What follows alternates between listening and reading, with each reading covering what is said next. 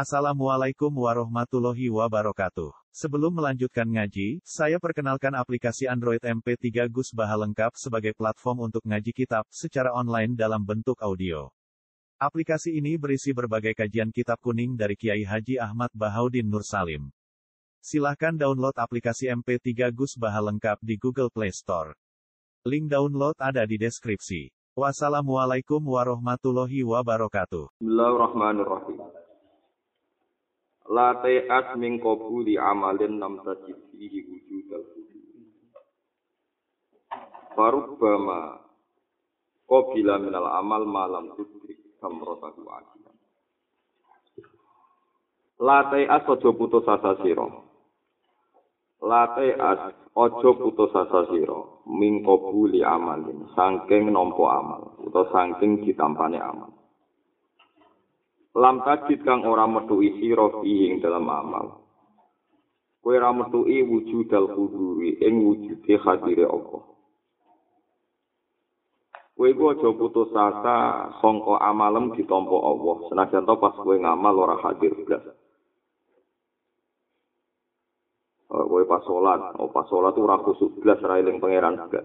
Kowe aja terus putus asa kaya-kaya salat ora ditampa Allah Iso wae senajan to kowe ra mundur, salate ditampa apa. Harga makobila terkadang nampa sapa Allah taala menal amali sange amal. Paruba makobila mongko terkadang nampa sapa Allah taala minal amali sange amal. Ma tegese nampa ing perkara utawa ing perkara lam tudrik kang ora metu isira. Lam tudrik kang ora metu isira samrotahu ing buaya amal samrotahu ing buaya amal ajilan ing dalam saiki ajilan ing dalam saiki ajilan ing dalam saiki Jadi di kulo waca malah iki. Ini mau di di rumah nama ini. Halaman 92 terus tunggal mun di rumah nama. Kulo waca. Terus niki dawe niku mirip-mirip. Kulo niku seneng dawe niki. Terus kowe nak salat ora khusyuk utawa ora hadir. Iku kowe aja putus asa ngamalem ra ditampa. Iso wae ngamalmu iku ora hadir tapi ditampa napa apa Nah, cara istilah nomor 92 juz tunggal latat tup iwadon ala amalin nasalahu fa'ilan. Yakfi minal jaza ila kamnal amal angka nalahu kobilan. Sebagian redaksi anja ala kalahu ahlan. Terus ngeten kalau terang. Misalnya kado sholat, pulau sholat. Salah itu gak iling pangeran. Gak iling pangeran, ya wis kula putus asa waktu salat ora ditampa dah sak salat ora eling pangeran. Paling gak kira eling pangeran ya salat nggih nggih napa? Salat artine ja'alaka laha ahlan. Kuwi digawe ahli salat piye pas iku salat ora anggere wong ditetir di saat itu nglakoni napa? Salat iku cara paham ya Piye wae iki ditakdir, artine kowe dikabuliyat takdir, duwe penerimaan takdir Allah yaiku anja ala kalah ahlan ge digawe ahli sholat. Mari kalau nana siri ina sholat tanha anil fasa iwal mungkar, yes. idealnya sampai di luar sholat gak ngelakoni mungkar. Dan arah iso idealis minimal pas sholat itu gak nyolong, masa sholat sampai nyolong. Masa ngono ae kok angel temen. Amin. Disebutnya ngoten kula niku tak angen-angen niku wonten hadis sahih. Nerangno wong sing ngaji be ulama majlis zikri ku kabeh di sepuro kabeh di sepuro mergo Allah ku nek ana wong seneng ngaji kados ngaji ngeten iki kabeh di sepuro malaikat yo ora roh iso didrengki barang malaikat iso takok mbek pangeran Gusti sebagian mereka nu teko tapi ra niat ngaji golek kancane. Malaikat iso ngono barang piye. Ini hadis sokai. Jadi kayak gue ini komentari malaikat, tapi nyati ngaji ini ngilangi sumpah. Repot pak. Terus Allah jawab, Humul jalis layas kofihim jalisu. Hum al kaumu, hum al kaumu layas kofihim jalisu. Orang tak kayak rahmat kabeh. Wong-wong sing ngaji ku kiai ini sak wong-wong ngabe itu mereka itu adalah kaum sing ora bakal cilaka wong sing baturi lungguh hum al kaumu layas kofihim jalisu. Ya minimal minimal ya wow preman ikan jani ngaji akhirnya sak jam melok ngaji. Ya pas sak jam minimal gak ngegeng gak ganggu uang minimal pas sak jam gue mari. Minimal pas sak jam gue mari syukur syukur mari ini terus Lah iku ning kene dinasehati ya, dadi penting. Kowe aja putus asa sangka diterimane amal. Senajan to pas ngamal iku kowe ra kudu latai asmin qabuli amalin lam tajid fihi wujudal kudur aja putus asa sangka diterimane amal sing kowe ora napa kudu iso wae Allah nampa ngamal sing kowe ora roh rasane saiki Semoga hasil ngamal itu penting. Semoga ngamal itu penting. Minimal ketika ahli napa ngamal. la la tuskian nawaritan apa la tatrukan dan ini la tatrukan ana wabak apa ya la ya zakka yusaki la tu zakkiyan nawaritan la ta'lamu samrata la tu na ojo bersihno sira ojo sok suci sira ojo nganggep suci sira la tu zakkiyan na ojo nyucakno sira Kowe aja nyucekno waridan ing barang sing tumeka ning atimu. Warid iku nur, nur sing tumeka ning atimu. Kowe wong hikam nak ngistilahno warid iku nur sing teka ning atimu. La tak lamu kang ora ngerti sira. Samro tahu ing buahe warid.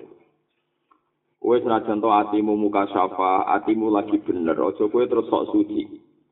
Aja kowe terus sok suci. Fale samong ora ana apa almuradu apa sing dikersakno minas sahabati sanging mendung. ora sing dikersakno iku al imtara iku udan ya utawa al imtara iku mudani wonten semoco al amtara iku pira-pira udan di sami mawon wa inamal muradu ang mestine sing dikersakno min sange sahabat iku wujudul asmari iku wujude pira-pira buah iki perbandingan dados ngeten Kue misalnya muka syafa, ngerti Ka'bah sangka kene. Kue muka syafa, ngerti alam malakut. Oh coba anggap suci. Nganti baru kayak muka syafa itu ada buah. Misalnya terus kita di wong sing tawa tuh, sing seneng pangeran, sing macam-macam. Mereka nak ono mendung, itu ora penting udan itu ora penting. Sing penting itu sebab sangka udan. Artinya mendung ono udan terus bariku ono uang. Mendung ono udan terus ono apa? wah wah dan ana mendung terus aja udan tok jebule udan salju malah ra karu-karuan to malah boten karu-karuan paham ya kan yo akeh udan sing dadekno musibah kata ceritane kaum Ad kaum Ad niku tak ceritani sithik kaum Ad niku Ad berarti umat Nabi Sinten Hud wa ila adin akhahum Hudan kaum Ad niku umat Nabi Kalau nabi ini cerita, kalau ngaji kan Yogyo tahunan lebih cerita. Kaum Ad niku, kaum yang di sini, suweneng pol be jenenge Ka'bah. Ya Ka'bah Mekah nang suweneng. Jadi Ka'bah disenengi wong jahiliyah dan wa Islaman. Kalau tak teng kitab-kitab pas sepakat nonton di Ka'bah itu delalah disenengi wong nopo dan wa Islaman. Wong fasik ya seneng, wong soleh gitu Pak Sake seneng iso ngemeli ngomong ngambung hajar nopo. Aswa, KPIH ya seneng iso ngambil selisih manasik macam-macam. Lagi manasik itu sak juta rong atus. Iku nak kue untuk uang satu sih wes piro. Wes sakit loh. Dan rong atus wes Mau bayari kiai kon ngursus sama nih rong atus sewu. Seneng kiai ini seneng. Gawe simulasi Ka'bah paling kotak. ditutup mulai terus kemuli Ka'bah. Tapi itu juga gede, awam butuh mana sih? Gue cuma ngeritik kayak wong awam butuh. Yang mana sih butuh rezeki? Yo, gue cuma ngiran Kaum atiku, kaum nabi tiang yang Angger nabi ku mesti dimusuh wong soleh tandingan. Mulane hati-hati dadi wong soleh. Angger nabi ku mesti di wong musa, wong di musa wong soleh apa tandingan. Lah mulai dhisik wong soleh ku loro. Ana wong soleh sing lurus ilang, wah ana wong soleh sing rondo oleng sithik-sithik. Jadi ana wong soleh dungane mandi. Ditamoni santri ora pati seneng, padahal dia soleh. Mergo sanam templek sithik. Tapi tak tamoni pejabat, tapi maju pilkada seneng ya ra karuan. Perkara salam templek gede. Alasan yang Islam tidak ibadil Islam. Ya ono soleh di sini. Mulai di sini ono ke gede. Nggak mau di sini ya. Tapi ya soleh. Zino ya mau demenan ya mau. Orang yang pangeran ya mau. Yang pangeran terus. Wes, bareng Nabi Hud jadi Nabi. Dungane kalah mandi mek soleh jenis ini. Jadi kaya Nabi Musa dungane kalah mandi mek Balam sapa bin Baura. Ini mesti ono. Kulo niku ana saingane ta ora roh kulo niku soleh model kaya kulo ono gak saingane ya ono ae. Paham ya, sing iki biasa dukuni pejabat. Uh, buri karo piye ta. Mulai alatnya beri sewu biasa.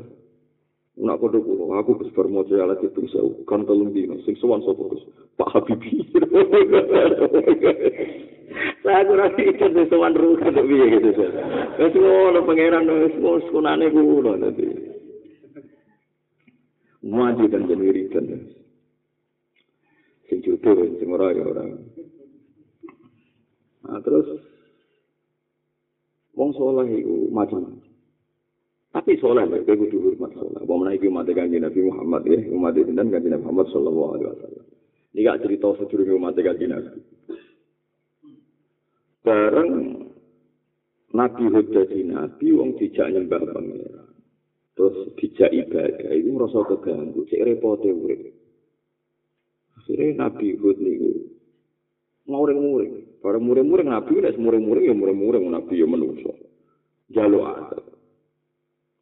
bareng jalo atap pangeran ya seni orang langsung dikei atap jika ini nyeke ini pas bareng kaum hud kaum nabi atap pengen udah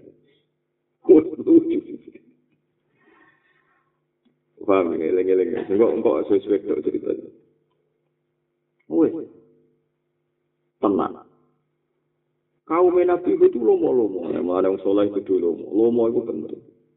Nyewa kiai wau kiai sing rontok soleh sing soleh orderan wo soleh napa orderan. Iki muni dhisik ana soleh napa orderan jika itu kata kan dungo nang Ka'bah nandingi pasute nabi sinten jadi nabi ikut maksud no ditandingi iktikaf ning napa disangoni. Sangoni bareng tok Mekah tanggal dungo mustajab urung tumibo Dene dibutuh konia, konia itu penyanyi itu mulai di sekunane kuno yo no tarian perut terus dangdutan yo no kus kunane kuno paham jadi kau kaget nah saya ada terus no apa terus no no jadi saya kira karya oh terus no Amalan disebut la tukrihu fatayatikum alal jiho in aradina tahassunal kita bedahu aradul hayatid dunia. Jadi di sini uang krono wong itu senengannya itu dia cawe dok limo kondang hutan. Kalau ada orang duit gawe kondang hutan, nggak terus gaji.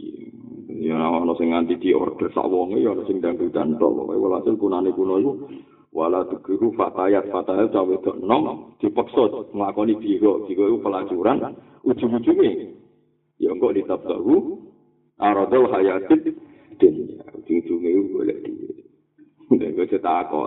Quran yo bakas ngono yo bakas. Barang dunya barang dunya kabeh dibakas Quran. Aneh saiki ana ngono iku yo ora aneh karek napa terus ana wong alim ora dunya apa iku tenang wis roh kabeh. Nek coba lo delok tenan yo roh ngono ae ora delok tenan. Yo ora apa yo tak gedung. Istighfar. Namno ketompo. Lali akhirnya. Barang lali wis eh, asik-asikan nyanyi penyanyi-penyanyi itu. Mendung teko. Mendung teko tok Yaman ireng. Jare wong Yaman falam maro auhu aridum mustaqbila audiyatihim qalu hadza aridum mumtiruna. Falam maro auhu aridum mustaqbila audiyatihim qalu hadza aridum mumtiru. Kaum Ad atau kaum Yaman ya, Ad saat ini napa? Yaman. Mulane Yaman darani Khadir mau, darani kota mati, mergo kota sing tau disiksa, mergo nentang nabi sinten? Hud. Jadi dia namanya Ahqaf, terus Ad, terus napa saat ini napa? Khadir mau, terus saat ini napa? Yaman. Mulane makom Nabi Hud tunggu di Yaman, di Kholina Sa'ban. Salam. Bon. Jare kaum wah mandi dungane Pak Yai. Saiki ape udan. Atiku wis kekeringan saiki ape udan. Aridum mumtiruna. Mumtiru sing kata impor, maknane napa? Udan. Nabi Hud mulai susah. Waduh, kok kalah mandi? Aku dongak wong kene kekeringan dan mergo kurang ajari mari kok malah hujan sujud di pikiran Gusti. Kulo nabi jenengan kok kalah Nabi Hud akhirnya maklumi piye wae sing donga saiki ning arep Ka'bah. Panik. Akhirnya Nabi dikandani pikiran oh ora wong orang ning arep Ka'bah cek demenan sing situ. Sing soleh orderan iki cek cek demenan. Sesuai pas tengah di mana dealing nabi sing wedok. Jadi mulai di Ka'bah dihormati. Ya ora ning pinggir Ka'bah, di mana ning seputar kono ning seputar Mekah. Lho, jenengan mriki rak disewa kaum jenengan ke donga ngarepe Ka'bah. Kok malah demenan mek kula sepundi kono nang donga. Donga wis kliwat. Lho, iya ora disewa wong wis kana wong wedok wis kliwat barang akhirnya.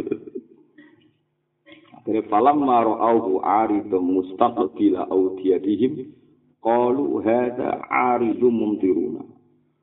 Audiyah jamae wadi. Ketika melikan delok mendung, mendunge iku pas dhuwure no jurang ya audiyah jurang. Jadi wonge pede kok tak dongano udan, udan itu tepat sasaran. Jadi pas ning dhuwure jurang. Wong keramat-keramat itu. Qalu hadza aridum mumtiruna.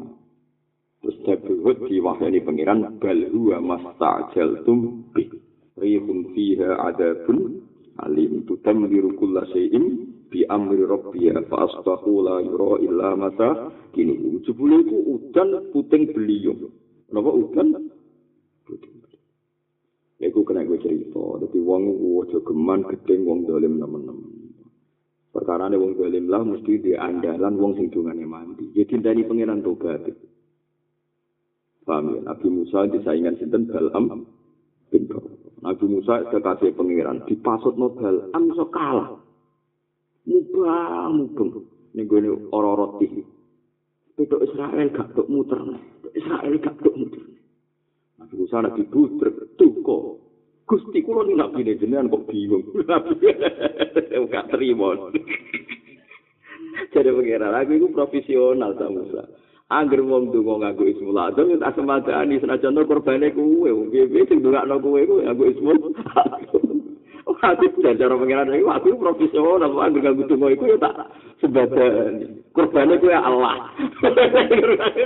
Gak repot tapi. Mulane bedene wong ngabang-abangan sing tirakat. Wong tirakat itu dongane mandi. Wong abangane luwih kuat lesu.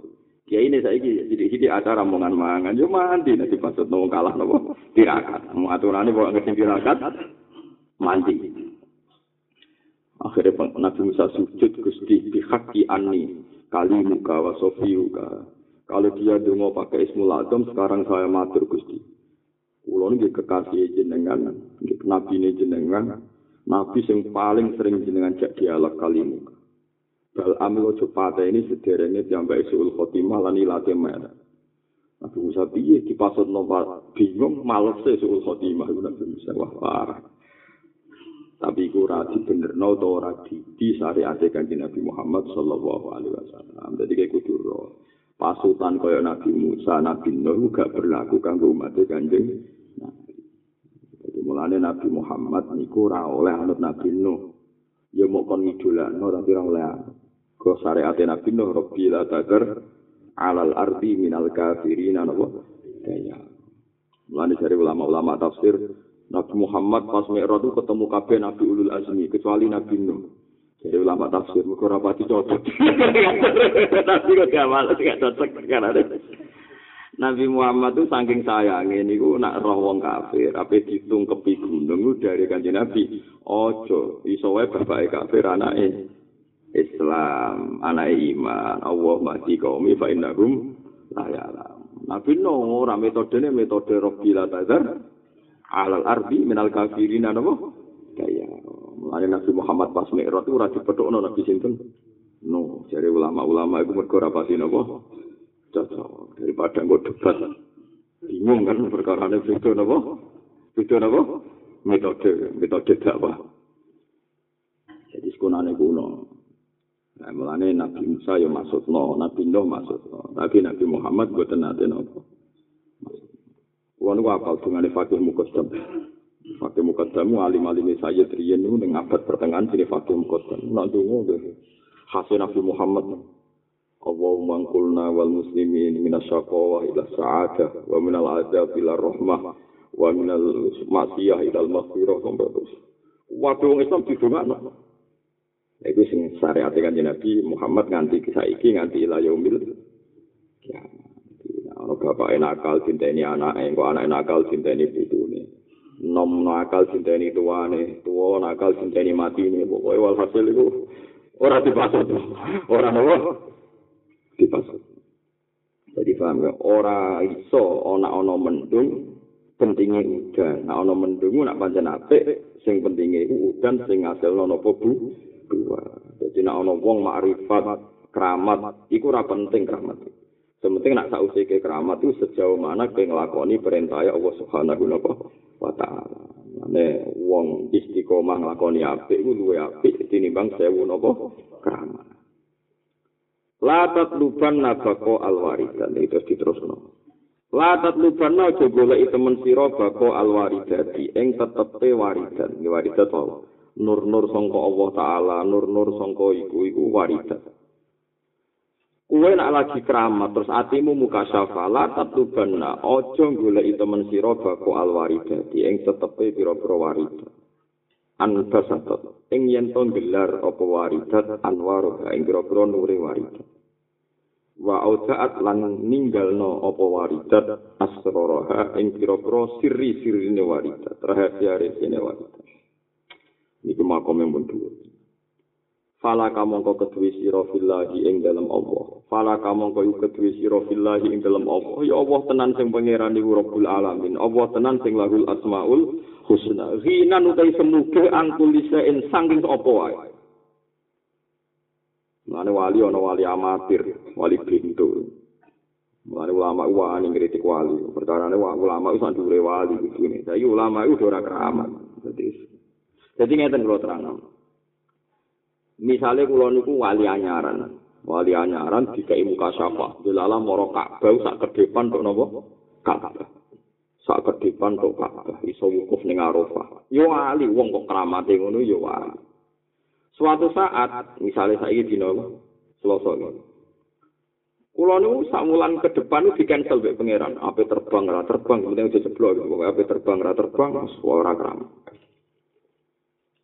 Kue itu rasa gue ikramat itu kembali lagi. Ya hilang gak Allah. Jadi cara makomnya ulama-ulama wali-wali sing wis pokok. Gak keramatnya wis lah gak bobo. Aku jadi pangeran. Fala kafillah hinan angkulise intiwe sing ilang terima keramat. Keramat itu makhluk. Wong nak seneng Allah, ya Allah itu cukup. Ya Allah Rabbul Alamin. Fala kafillah hinan angkulise Wes wong nek sekali Allah ya hinan angkuli sen saiki Allah ora ilang tetep sing ilang mau keramatan ya keben wong trimo keramat wae ilang Allah. Ane sing keramat keramat saiki semuni ngono ora keramat Allah. Paham ya penting duwe Allah. Falaka fillah hinan angkuli sen. Ane nak keramat ilang muka syafa ilang rasa mbok golek ilang Allah. Paham ya? Mulane wali-wali ku nak sing sangka jalur ulama, iku ora suwi-suwi kramate. Perkara ini apa hilang ra digoleki. Jadi bar wis. Kulo nu ngrasakno tenan. Kulo nu nate muka sapa ndelok banyu niku pokoke ora kaya alam biasa. Niku bar iku ketutup. Iki biasa. Yo ora tak goleki, ora dungo yo bali. Teko yo karep, yo ilang yo karep. Yo perkara niku kabeh ulama niku dites falaka fillah hinan angkulin apa? Iku masyur ceritanya Abu Yazid Al-Bustami. Abu Yazid Al-Bustami itu diangkat pangeran yang alam malakut. Pertama diberdui Nabi Khidir. Anal Khodir, na'udzubillahi minka. Jadi na'udzubillahi minka, aku tuh sampai butuh kue. Terus Nabi Khidir ke iso ngerayu. Didudono alam malakut. Didudono suwargo. Kita ikut pangeran. Hal ro'aita khusnah, kue rapi suwargo. Na'udzubillah, tengko rapi suwargo. Suwampe. Wabah keramat sing didudono dekne muni naudzubillah. Lah terus karep piye? Wae kula nu namu butuh jenengan malah didudono swarga nabi khidir aneh jenengan. Terus jawab pengiran anta abdi hakon yo kowe iku kawula tenan. Kowe ora pantes ning swarga, pantes mikir aku mako Cara kowe kada swarga mandek. Mandek ke soke Gusti, mohon to Ada kaya Nabi Idris, jadi pangeran seneng, mesti tebak-tebakan. Barang diangkat ning swarga, kerasan. Kandani pangeran, Idris ki urung waya ning swarga. Jadi kuwaye balik ning dunya. Nggih Gusti. Balik ning dunya sadhe sandale ditinggal sitok. Tinggal sitok terus bareng bareng terus nang medun ning sok donya orang swarga orang wayahe. Nggih Gusti niki kuwi sandal kula coba sitok. Bareng digoleki ra ketemu nganti saiki paham mung suara apa boleh dari nabi itu gak macam macam eh mana nih umbo nih jono cerita Nah, cara iki sadel itu kunak. Ya repot apa antum kromo. Pangeran itu seneng gitu, ngomong soleh, yang kekasih seneng di gitu. Kalau seneng dibati pangeran kekasih kekasih lucu lucu. Yo pangeran dong disebut kali wong wong sing semakome ini. Pangeran itu seneng be kaulane istiqnas wasik. Nabi Ibrahim as pinter-pinter wong, ya tetep kalah be pangeran, ora pangeran ya kalah. Nabi Ibrahim itu digelar Khalilur Rahman, apa gelare? Itu resmi, malaikat Jibril verso semua alam malakut verso. Suatu saat malaikat Israel itu teko. Oh, ya Khalilar Rahman aku ditugasno jabat nyawamu. Nabi Ibrahim ku kaget pol kaget lho pangeran ku piye? Jadi wong manja ya pangeran ku piye? Jare aku yo Khalil kekasih kok dijabut nyawamu. Iku Isa maksudnya ngeleki aku. Loro jabut nyawa. Waduh Malaikat Israel bingung. Hal ro'aital khalil yusi'u khalilah. Kuroh, kekasih kok ngelarani kekasih. Wah, Israel bingung ora tau ngaji, kok ngono bingung. Ora iso debat kan malaikat kan lugu. Balik nang pangeran. Gusti jarene khalile jenengan khalila kaya Allah. Hal ra'aital khalil yusi'u khalilah. Terus Nabi Abe pangeran diwarai. Kul ya Israel hal ra'aital khalil la yuhibbu ayyal khalilah. Kandani Ibrahim, apa ana kekasih rasa nang ketemu sing dikasihi. Soalnya kok naik Ibrahim dari pengiran ini. Gue kekasih kok ketemu Rab siap. Wah, ya semakin lagi. Nah, ya waduh. Ibrahim nggak teori kekasih orang oleh ngelarani kekasih. Tapi dari pengiran, nung kekasih kok orang siap ketemu. Nah, bayar kue barang itu, ya orang kekasih, orang siap ketemu. Ya angel melebune yang di. Kekasih orang siap ketemu. Ora, lam lebune iki. Wis kawulane Allah ngono wae. Falaka billah binan angkuli sayin. Wis makome wis falaka billah binan kapalo makome falaka billah binan angkuli ora keramat, wis gak keramat-keramatan. Allah tok wis cukup. Iku ora suka, wis ora suka Tapi dia melarang ora gak ada, melarang itu makhluk. Jadi gimana? Dina ono waridat hilang, wis beno ben hilang. Nawa hilang ya ben apa? Hilang. Wis mergo falaka fillah khinan angkuli. Ini wis makom iki kelas tenan. Lo cocok. Wih, itu melok cocok. Jadi nak nanti keramat tuh sawangannya falaka fillah khinan angkuli sein. Jadi wih, itu melok cocok. Wong kalau sing nanti muka safah cocok. Kok sampean sing muka safah? Nah, cocok. Mane rata-rata ulama itu keramat ini kurang suwe-suwe. Sekarangnya hilang kurang digule, hilang yo kebren, hilang yo Falaka fillah binan angguli. Misalnya kita senengi wong, saya sing seneng gedeng kuwi, ya coba berusaha seneng nah, ben hilang ra Allah, sing ra hilang ra pangeran. Napa falaka fillah binan angguli. Ya ana sing kehilangan bojo ra digoleki meneh wis dhuwur makom.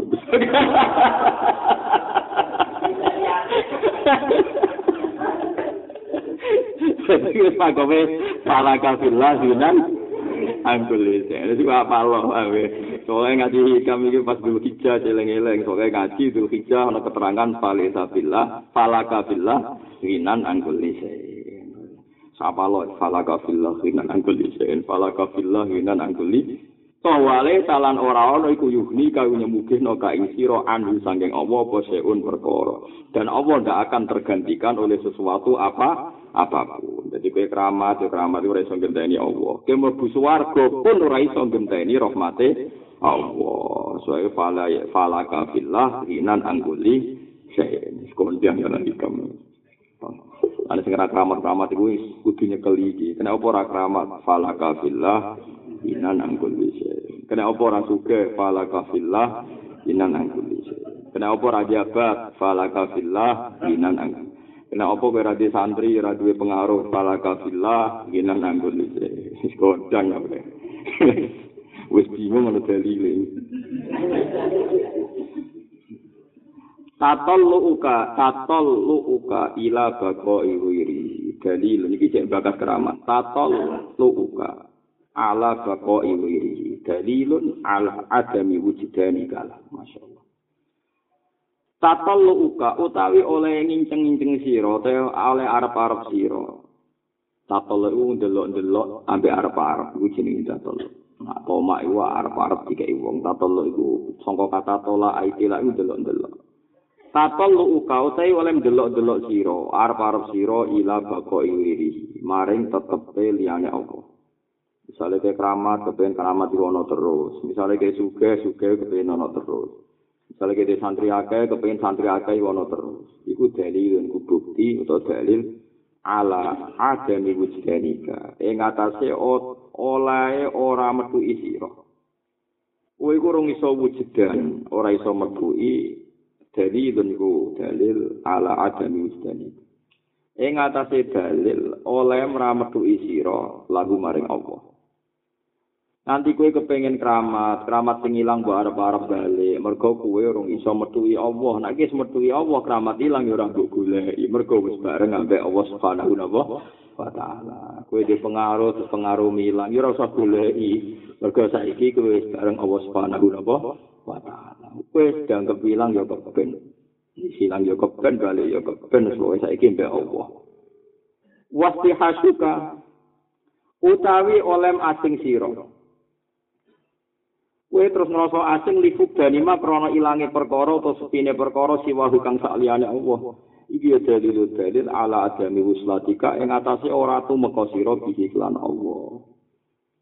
Bareng kowe di pengaruh, nek di pengaruh ngaji ku asik. duwe keramat iso terbang nang Mekah ngalor ngidul napa asik kowe ngaji sing ngrungokno akeh do nyucup asik bareng iku ilang kabeh dibeli kowe urip ning donya gak nyaman waduh saiki terbang nang Mekah iso tekan umat-umat yo ilang. Sing salah templek yo kalong. Gak enak kabeh urip Ya aku yang ngono iku kok enak kabeh kowe berarti gak usul. Ora usul. Lereni dadi wali. Jadi perasaan ngono iku lereni. Wasti hasuka utawi ngrasa asing sira lifuk dari masiwah iku dalilun ala adami wuslatika. Ke apal Quran asik deres sampai pangeran bareng ngono sing undang semaan akeh si salam akeh. Bareng sing undang semaan is leren. Asik kembek Quran yo leren bisa niku makom elek-elek makom. Mestine yo ora ngono. Akeh sing undang yo asik mbek Quran ra ono sing undang yo asik mbek Quran. Paham iki oleh ngritik hikam. Istikhas iku maknane aneh. Nah ana wong ngrasa ning dunya iku aneh, ngrasa gak nyaman. Mergo keramat ora sing seneng wis do ilang, iku bukti dene ora wusul ning Allah Subhanahu wa taala. Nah dene wis wusul mesti falaka fillah binan an kulli syai. Apa terus ya falaka fillah binan an kulli syai. Kondang apa ya? Sebab bar ngaji iki dadi wong kondang. Ora yo cah aja sesuk kondang dhewe. Mana nih biru sama makna nan soko eva soko ngono. Wis tuwel wis semakom wis napa? Wis wedure tok nanti soko ngono. Kalau kali ini malah jadi tatol luka ila bako ibu iri dalilun ala adam wujudani kala. Kue arep-arep nak keramatem ono terus, pengaruh ono terus, itu bukti kue gak nemokno Allah. Nek menemokno Allah, liyane ku ora penting ka. Wasti hasuka kue kok ngerasa bareng kramatem ilang, pengaruh ilang terus kue istikhas. Waduh, saiki bojo ra duwe, duwe ra duwe, saiki tekan kramatku iso terbang ning Mekah ya kok ilang dibredel pangeran. Nak kue nganti ra nyaman iku bukti kira usul ning Allah Subhanahu wa taala. Mulane ana wali, ya tak critani wali-wali sing lucu-lucu. Ana wali senengane terbang ning Mekah salat, tawaf. ana wali kita udah pikir karuan alim kemana cara saiki. Kowe ora melok. Ayo bareng-bareng yuk saiki wukuf ning Arafah ya. Ayo tuaf ning Ka'bah mau ora melok ya. Kena apa? Lah kene kono iki golek pangeran ning kene ana pangeran. Padha wae seling pangeran ya Ka'bah ya ning kene kok. Padha wis mergo wis falaka fillah minan kulise. Dadi artine kok sing ra iso terbang Mekah kaya kuwe artine wis dhuwur. Perkara wis padha wae maksudnya padha wae. Kono ya Allah ning kene ya Allah sajane ana ana ana apa ya? Ana kancane makam niku ana kancane. Tapi masalahnya kan sangka mampu. Cara diparingi mampu kan yo melete tenan kalau orang itu murah Mekah jadi ini ini makom dulu tenan. Jadi mulai wali-wali sing alim nak keramat ora tau digulei mergo nak golei keramat perkara dekne gak nyaman mergo keramat hilang lu wong ra nyaman mergo kelangan keramat iku bukti ora wusul ning Allah Subhanahu wa taala wastihasuka li fukdani masiwahu dalilun ala adami muslatika kondang dalam hikam ya. Ngono lane. Hikam ini murid putune Syekh Hasan Asyadi. Jadi gambar kudu Sing aran hikam niku putu murid. Jadi kados kula bebas juga. Terus kados putu murid. Terus Abdul Hasan Asyadi niku wali top termasuk putu di murid jeneng Abdul Abbas Al-Marsi. Ono sing maca Al-Mursi terus di murid Ibnu Athaillah nopo asakan dari mulane hikam niku mirip fatwa-fatwane Abdul Hasan nopo Asyadi. Kulo gak ada kitab kitab Al Minanul Kubro niku sing paling fika kutip niku napa dawe Abdul Hasan Jinan Asyadi. Lah ning Indonesia ku metode kok kabeh Syadiliyah. Uh, wiridane Naksabandiyah tapi fahame faham napa Syadiliyah. Jadi dia itu persis kanjeng Nabi. Kita warai makom nak. Nah, toreko nggak biasanya toreko nopo naksabadia, sadilia, kodaria, tijania, satoria. Oke, apa? Toreko apa? Nah, semacam-macam. Yes, Bapak niku, bapak kulo niku sangat-sangat sadilia. Tapi buat nanti wiridan, dia tetap terus Quran biasa, uripe biasa. Kalau cerita di sini, Abdul Hasan Asyadi ini niku tiang alim, alim alama terus, ya terus jadi wali wali kutub. Tapi latar belakangnya wong alim.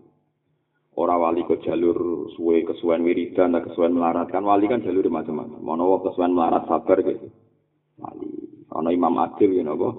Wali. Ono bojo judes sabar ya napa? Wali. Jadi wali iki saka jalur pintu, jalur sabar, jalur macam-macam.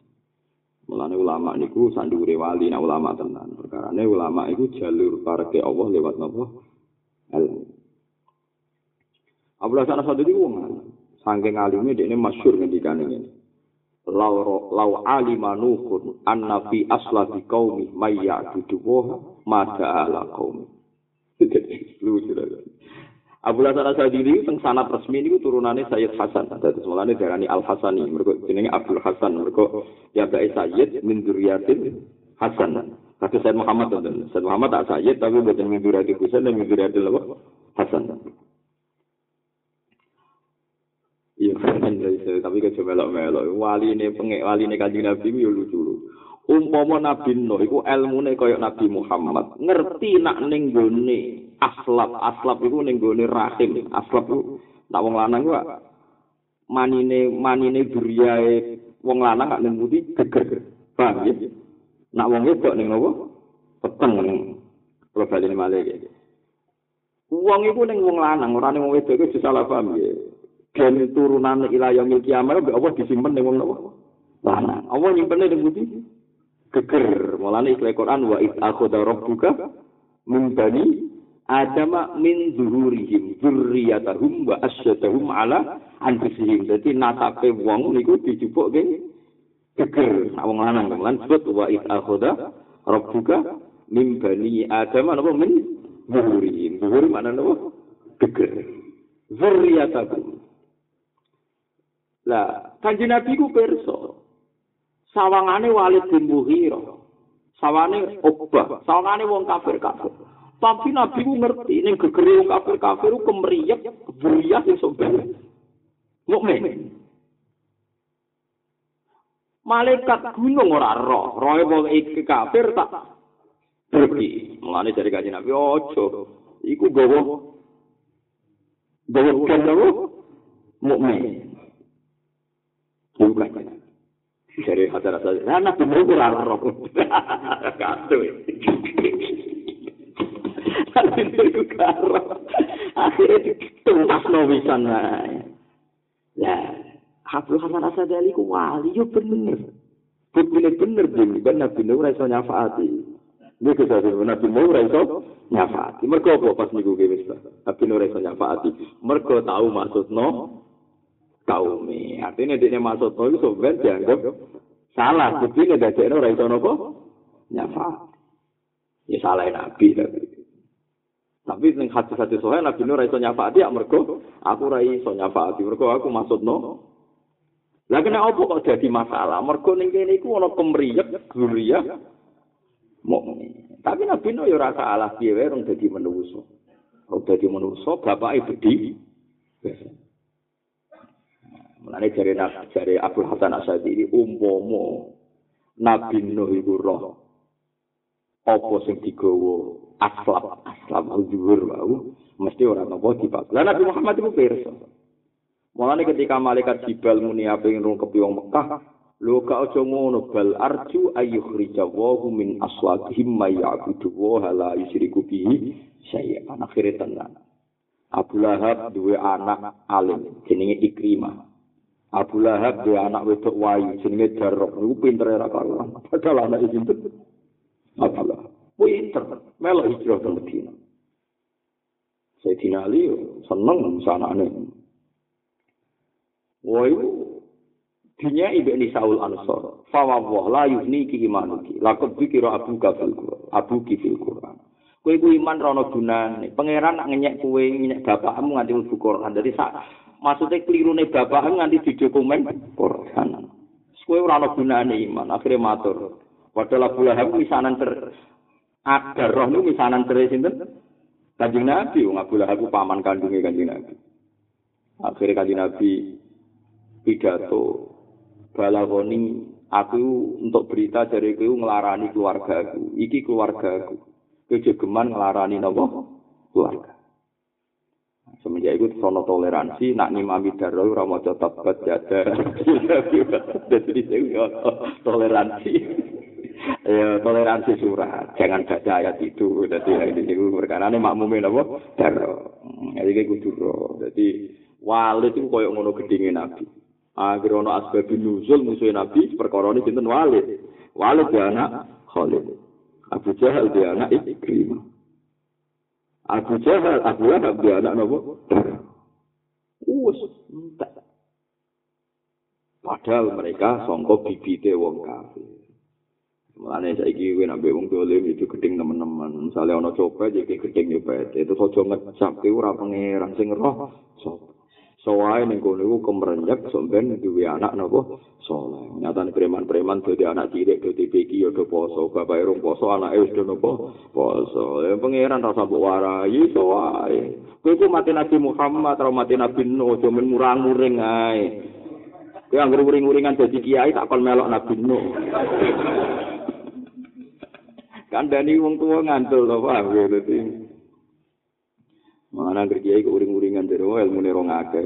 Lah sing ramure-mure ngomong dablek ngomong mbak sia ora mure. Tapi penting ilmu iku roh, ya penting itu napa? Roh. Wis wis wis roh. Lah kok ora iso ya fala kafillah hinan angkuli saya. Di apa lo iku wae. Paham ya, mulane umat kaji Nabi disebut umat tawal. Nabi ora terlalu koyo Nabi Isa. Kok Nabi Isa iku ya ana klirune. yo klirune nabi piye wae sawangane ora ana maksiat. Kabeh kok ditoleransi mulane ning gone agama Kristen ku agama kasih sayang. Wong apa wae ditoleransi iku yo kliru sawangane mboten enten apa hiro mboten enten apa tapi kabeh mbok amuk yo kliru iso wae. Sing mbok amuk iku duwe simpenan zuriyah napa muk? Saiki niru nabi kus napa umat tau wasaton. Yo ora nganan yo ora napa Mergo nyatane ngono tenan. Ana wong kiai nyuwun sewu kadang di zuriyah rapati bener. Ana wong ra bener kadang zuriyah. Ya seraro kene ra pangeran, wis ben kersane pangeran. Pangeran baro dadi pangeran ra sambo atur. Paham ya? Da'id tadbir fama koma bi wiru latu kimbihi nafsak. Kowe ora usah melok ngatur dunya. Wong wae napa? Pengiran. Nah pengiran sing ngatur ke aja melok-melok. Selangane dek resah, aku resah zaman akhir maksiat akeh. Ya mandi si ana maksiat ya goblok goblok. Kaum Nabi At wis nyabu. Kaum Nabi Lut wis kawin sak jen. Sak jen. Maksiat wis gunane ku. Toat ya rasa dihilang sampai maksiat. Wong wedok udah-udah ya wakil sih. Tapi wong sing romper-romper astagfirullah ya akeh. Tapi ra mire-mire. Iku lirune kan iku. Lirune kan. Ya, tapi cek akeh wong sing ra maksiat ya. Akeh. Iku ibu Abdul Hasan Asyadi. Ya, Abdul Hasan Asyadi ini kalau gadah banyak makalah beliau. Beliau tidak ngarang kitab, tapi yang paling banyak mensanatkan itu Ibnu Athaillah akan. Nah, beliau punya banyak makalahnya, marisi kok gurune Abdul Abbas al marisi Jadi bapak nopo putu nopo murid. Saya ini wong toreko sadiri aku tau ngaji. Mesti ini nak upe toreko sadiri ngaji hikam. Perkara ini sanat alimi Abdul Hasan Sadiri sing marisi nopo hikam. Ada sama dengan sini gini, gue melok Sadili. Aku yakin Imam Sadili senang. Piye wae ngaji putu murid. Yo iki Sadili senang. Ora wiridane tok kira-kira karuan ora ora filsafat dadi niki filsafat Abu Hasan tadi iki ditulis temudi ya termasuk Abu Hasan iki makom itu di kon ketemu Nabi Khidir gak gelem kon delok swarga ora gelem Abu Yazid iki mergo pas usul artinya pokok liyane Allah boten apa boten gelem mergo falaka fillah yinan angkulin Allah An-naim wa intana wa atmazawiru inna ma huwa li syuhudi wa qirati. Wal azab wa intana wa atmazawiru inna ma huwa li wujudi hijabi. Fasababul azab wujudul hijab wa itmamun naim bin nazar ila wajihil kar. Ini makome hikam. An-naimu te pira-pira kenikmatan. An-naimu te kenikmatan, to pira-pira kenikmatan. wa intana wa'at senajan to macam-macam apa madhe hiruhu apa dohiri anak nikmat ning dunya ning akhirat ku macam-macam teng swarga nikmat ku macam-macam inna ma iku angin sunete anak iki ya li syuhudi iku mok krana kowe nyekseni Allah wa kirogi lan krana para Allah nikmat ning swarga cek ning dunya macam-macam iku iso nikmat tenan iku perkarane ana bukti kehadirane Allah Subhanahu Misalnya kayak mlebu swarga, oleh ngloni widadari sewu, oleh mangan sak karepmu dhewe. Terus kowe krungu kabar nek apa ora rido, ora ana gunane kabeh. Ora ana napa gunane? Nanti swarga iku ana gunane mergo bukti parek Allah Subhanahu wa taala. Umpama ora ana iku ora ana gunane. Iku cara makome tiang-tiang sing usul. Ono nikmat iku macem-macem. Nikmat ana gunane ya innama huwa li syuhudi wa tirabi. Lawal azab utai siksa wa intana wa asna contoh macam-macam apa madzohir wa bodzohiri adab. Inama wa angsiniti adab ya merkoli wujudi hijab krono ana hijab sangka Allah subhanahu wa ta'ala. Neraka larane ra karuan, wong digunting, wong ditutuki, wong diobok. Lu nganti repot ngono iku mergo kowe adoh sangka Allah Subhanahu wa taala. Jajal kowe mlebu neraka lah terus ana kabar Allah ridho. utawa ke mlebu neraka la ana harapan kok Allah nyepuro tetep ilang azab mergo ana harapan parek pangeran ma ya masalah Allah ku ning swarga ora ning napa neraka Mulane kok puncake nikmat fasa babul adabi mongko sebab siksa iku wujudul hijab iku anane hijab. Perkara ne wong ning neraka berarti hijab sangka Allah Subhanahu wa taala. La wa itmamun naimi utai sempurnane nikmat iku bin nazari kelawan ningali ila waji maring zati Allah al karim kang agung to kang mulya. Buat jelas ya terus wong iku kaya apa nikmate swarga.